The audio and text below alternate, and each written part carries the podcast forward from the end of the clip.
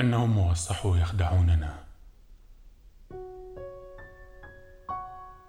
يشعروننا بأننا نستطيع ترك الأشياء وراءنا بقدرتنا على النسيان.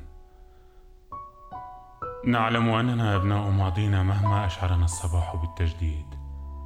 نحن نعلم بأننا نحمل في صدورنا حتى ما كان قبل ولادتنا. بدءا من غبار النجوم. فلنتخيل.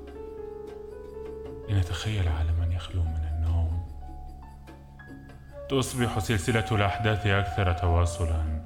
العقول الساهدة غالبا ما تشعر باشتباك الماضي بالحاضر وحتى بالمستقبل. بل تصبح مجرد تسميات لترتيب الأحداث. ففي السهر تحديدا لهذا الترتيب اشتباك الغابر بالقادم. وعندما ترجع لذاكرتنا لحظات ماضية توجعنا تضحكنا وكأننا نعيش في الحاضر تتلاشى الخطوط الفاصلة بين الازمان وذات الشيء يحدث. عندما نقذف بأنفسنا إلى المستقبل فنشعر بآنية شيء لم يحدث بعد.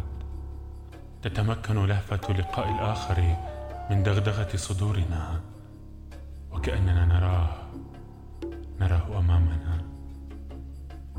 بالنوستالجيا أزلية تمتد إلى الوراء وتمكننا من الامتداد إلى الأمام إلى الأبدية السرمدية. ها نحن نحمل في صدورنا كل شيء كل شيء. بدءا من غبار النجوم وانتهاء به.